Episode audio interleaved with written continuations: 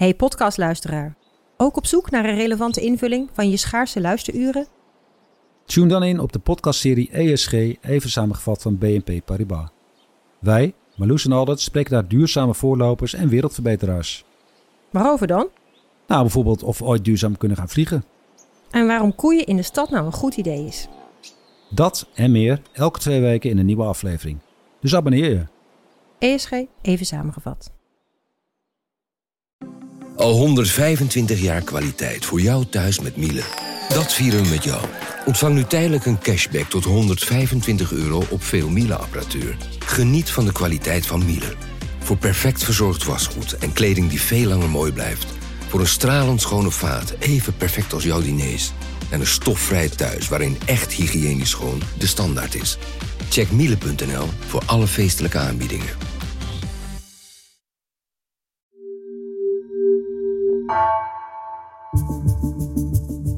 Vanaf de redactie van NRC het verhaal van vandaag. Mijn naam is Thomas Ruip.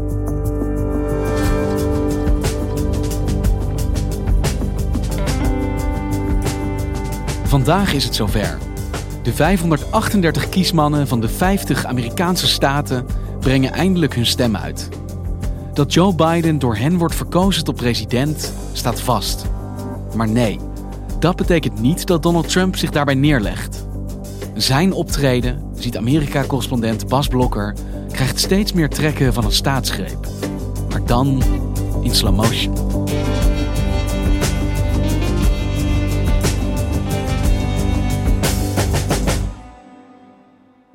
Op 1 december komt de, voor de, het verloop van de verkiezingen verantwoordelijke ambtenaar, hoogste ambtenaar van de staat Georgia, die komt naar de microfoon.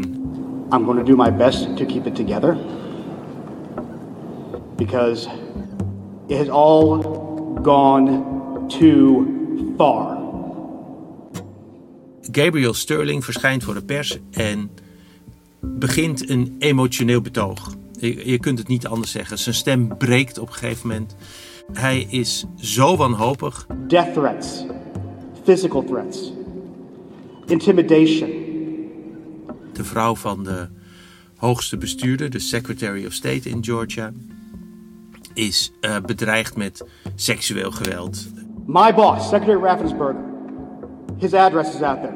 They have people doing caravans running their house. They've had people come onto their property. Trisha, his wife of 40 years, is getting sexualized threats through her cell phone.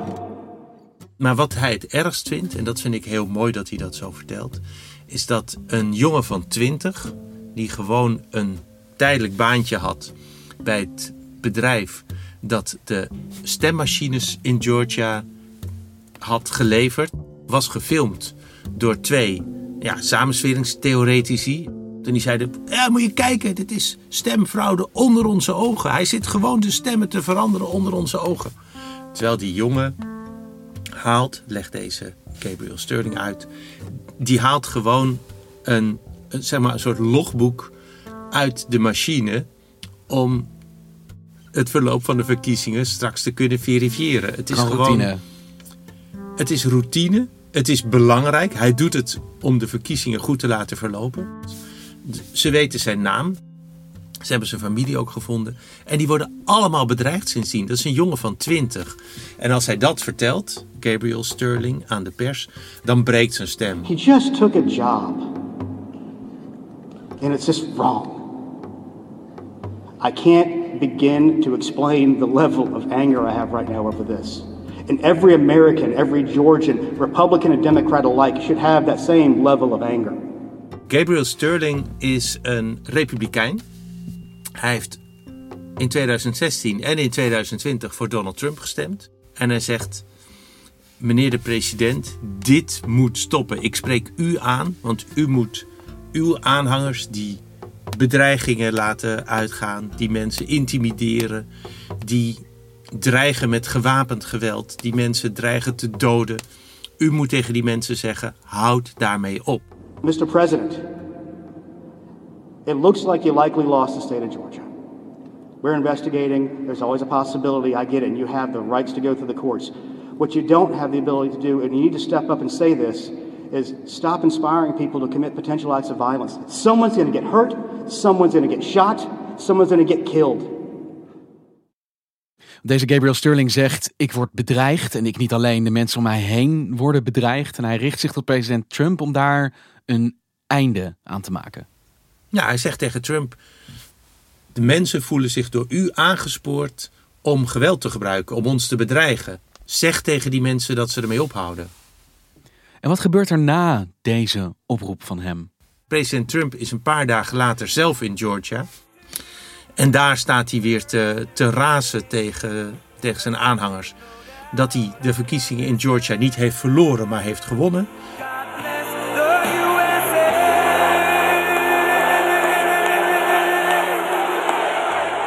Thank you.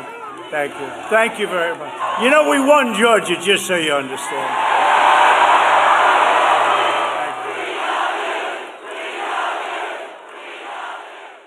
Dus hij verzwakt zijn verwijten niet alleen niet af, maar hij blijft olie op dit vuur gooien. Dat is het. Zo is het. Elke Gabriel Sterling in Wisconsin, in Arizona, in Nevada, in Pennsylvania, in Michigan had dit betoog kunnen houden. Overal in die staten, dat zijn de staten waarvan Trump zegt: hey, ik had die verkiezingen toch gewonnen in plaats van Joe Biden. In al die staten worden op dit moment mensen bedreigd omdat Donald Trump volhoudt dat de verkiezingen daar zijn vervalst. Het gaat maar door met Trump. De ene rechtszaak naar de andere, de ene beschuldiging naar de andere. Dus hij is de schaamte al voorbij dat hij zegt: Ik heb misschien niet verloren. Hij zegt nu: Oké, misschien heb ik dan verloren, maar dan wil ik dat de verkiezingsuitslag wordt omgedraaid. And this election has to be turned around because uh, we won Pennsylvania by a lot and we won all of these swing states by a lot. Dat kun je niet anders kwalificeren dan als een poging tot een coup. Dit is een coup die we hier zien. En het is een hele langzame, want hij duurt nu al weken. Maar het is het wel. Dit is een staatsgreep in slow motion. Dit heeft alle kenmerken van een staatsgreep in slow motion. Hey, het is eigenlijk ongelooflijk dat we er op dit moment het nog zo hierover kunnen hebben. Het is een maand nadat Biden tot winnaar is uitgeroepen. De hertellingen zijn inmiddels grotendeels afgerond. Allemaal in het voordeel van Biden. Allemaal. Is Ja. dit niet beklonken al? Is dit nog niet officieel bezegeld, het verlies van Trump? Nou, de, de bezegeling is vandaag, tenminste de eerste helft van de bezegeling, namelijk het Electoral College. Dat zijn al die kiesmannen in dat getrapte Amerikaanse systeem, die per staat worden aangewezen op basis van de verkiezingsuitslag. Die brengen nu formeel hun stemmen uit. Want Bas, ik ben altijd gefascineerd door zo'n begrip als kiesmannen, waarvan je gewoon vergeet dat het betrekking heeft op personen. Want wie zijn deze kiesmannen? Hoe ziet een kiesman eruit? Een, een kiesman is een gewoon iemand. Het zijn er 538 in totaal. Vandaar dat je er 270 nodig hebt om de verkiezingen te winnen. Ehm, ze worden aangewezen door de politieke partijen beurtelings. Dus zeg maar, eigenlijk, je hebt in elke staat twee sets kiesmannen. En uiteindelijk gaat de ene set door, namelijk als de kandidaat de meeste stemmen wint. En bijvoorbeeld in Georgia, daar he- hebben de Democraten nu gewonnen. Joe Biden heeft gewonnen. Dus dan gaat het democratische lijstje aan kiesmannen, wordt bij elkaar geroepen en brengt zijn of haar stem uit. En deze kiesmannen zijn dus de vertegenwoordigers van het electoraat van hun staat. En is het uitbrengen van deze stem symboliek? Of wordt hier ook nog daadwerkelijk door hen een keuze gemaakt? Ja, dat is grappig dat je dat zegt. Het is meer dan symboliek. En het is het ook in normale jaren. En ook in andere jaren heb je altijd het fenomeen gehad van de faithless electors. Dat zijn kiesmannen die op de dag dat het erop aankomt zeggen... Nou, eh, flikker op met je stem eh, in de staat waar ik vandaan kom. Ik stem toch op iemand anders. We've had problems with that in 2016. An elector who was supposed to cast a ballot for Hillary Clinton, but instead cast a ballot for John Kasich of Ohio, a moderate Republican, in 2016, in an effort to try and get Republicans to join him in an anti Trump effort to deprive Donald Trump I was in a position in a representative democracy where I had people to represent, but ultimately I had that free will. En Dat betekent dus ook dat vandaag eventueel mensen nog een andere beslissing zouden kunnen gaan maken. Ja, ja ik, ik zeg het met een diepe zucht. Ik ben altijd heel slecht in, uh, heel oncomfortabel met voorspellingen en, en, en suggesties. Maar ja, weet je, kijk, en we zitten in een periode waarin de president van de Verenigde Staten, die de verkiezingen nu op verschillende fronten heeft verloren, heeft laten zien dat hij op alle fronten zijn legers inzet. Het kan heel goed zijn dat president Trump ook op deze kiesmannen op dit moment druk aan het uitoefenen is.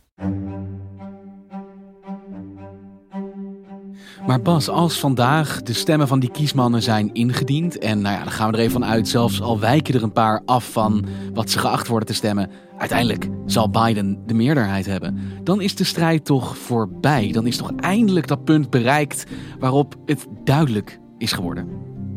Ja, ik denk dat op, op, vanaf vandaag zeg maar, het juridische pad voor Trump echt is uitgeput. Dat hij daar klaar is.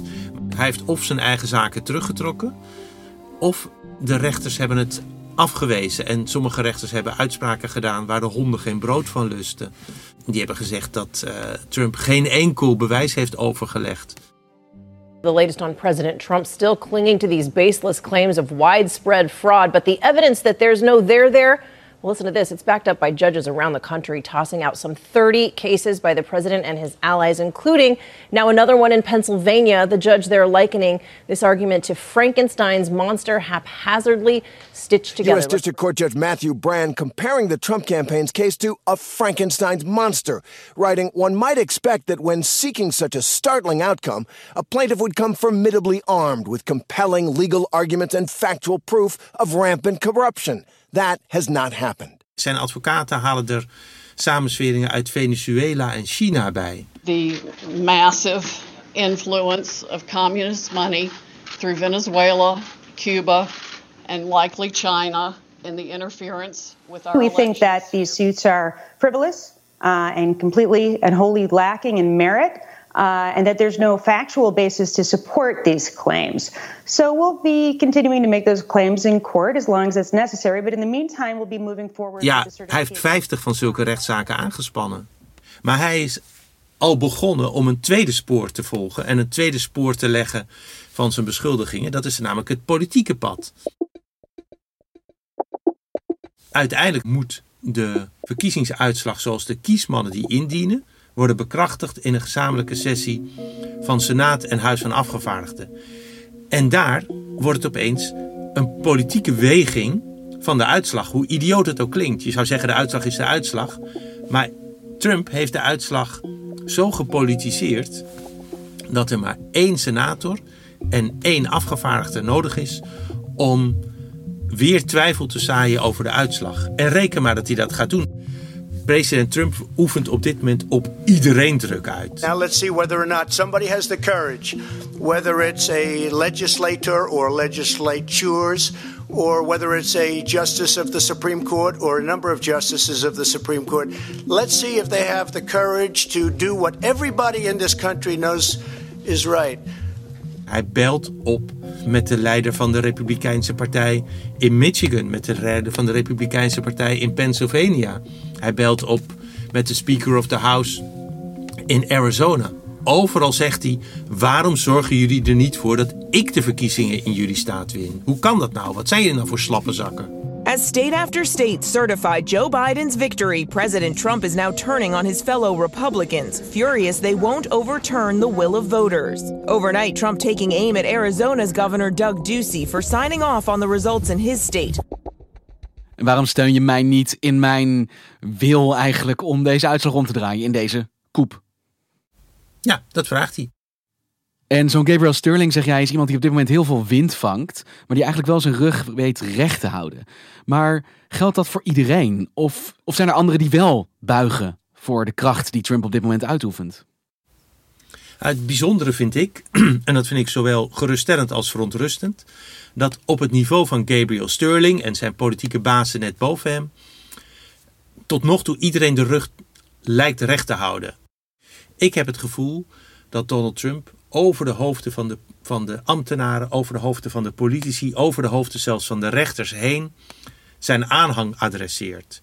Dat zijn de mensen die, die hij voortdurend elke dag volgiet met zijn, zijn tweets dat de verkiezingen oneerlijk zijn, met zijn tweets dat iedereen die dat niet ziet een verrader is en geen echte republikein en geen echte patriot.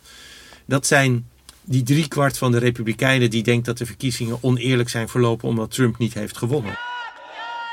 Een klein deel van die mensen gaat een stap verder en is bereid om demonstratief op te trekken naar de huizen van iemand als Gabriel Sterling, naar het huis van de Secretary of State in Georgia, naar het huis van uh, de gouverneur in Michigan, naar het huis van de gouverneur in de staat New York, uh, een staat die eigenlijk in het hele spel niet voorkomt, maar toch staat er een, een groep demonstranten uh, stop de steal, stop het stelen van de verkiezingen te roepen voor het huis van Andrew Cuomo. Ze staan notabene voor het huis van het woonhuis van Bill en Hillary Clinton. Die er niks mee te maken hebben, maar aan wie Trump gewoon een hekel heeft. That's right, we're in Hillary's neighborhood.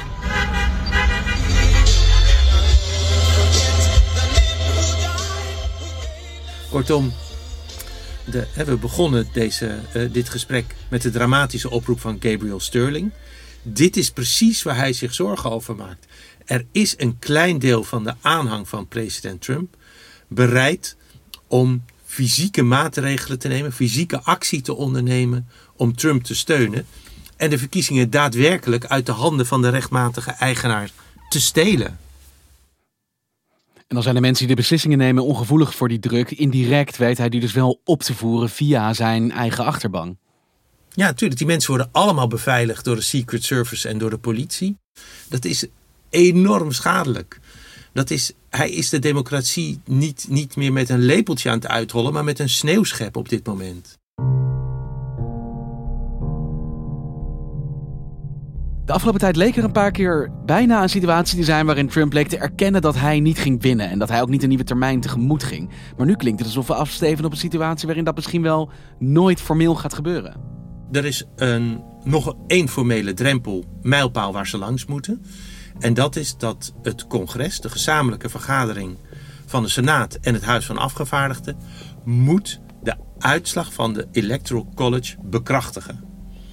En als er één senator en één afgevaardigde is die hun vinger samen opsteken en zeggen: wij, maken, wij tekenen protest aan tegen deze uitslag, per staat moeten ze dat dan doen, dan kunnen ze daar weer over debatteren. En reken maar dat ze daar ook ketelmuziek gaan maken. Twee moeten protest aantekenen en dan ligt het weer helemaal open in het congres. Moet alles weer opnieuw overlegd worden. Ja, ik weet het niet. We hebben dit nog nooit meegemaakt. Ze moeten het. Nee, maar het is een hele goede vraag. Maar ze moeten het bekrachtigen.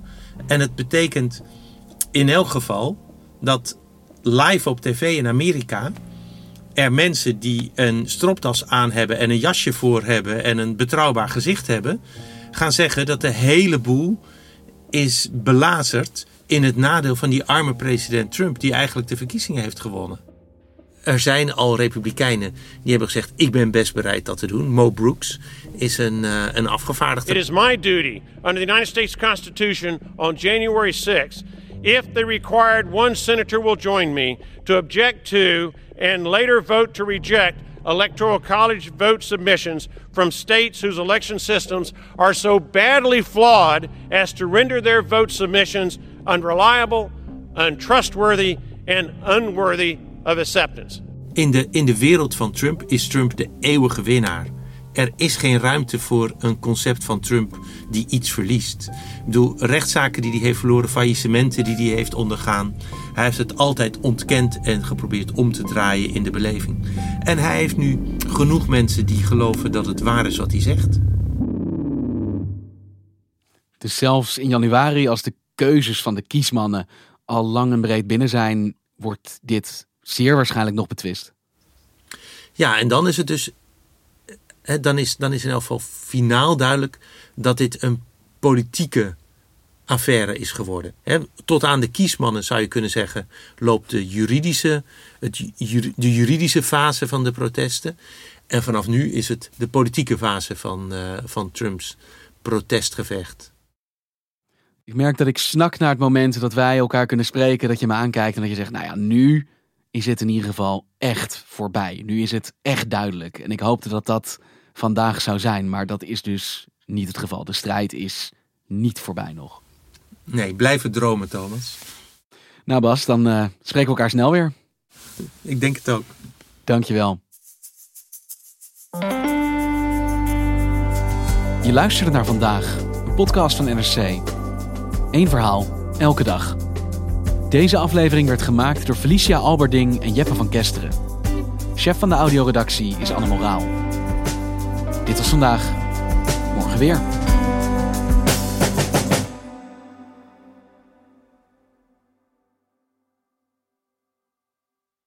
Technologie lijkt tegenwoordig het antwoord op iedere uitdaging. Bij PwC zien we dit anders. Als we de potentie van technologie willen benutten, kunnen we niet zonder een menselijk perspectief. Human-led, tech-powered noemen we dat. Ga naar pwc.nl.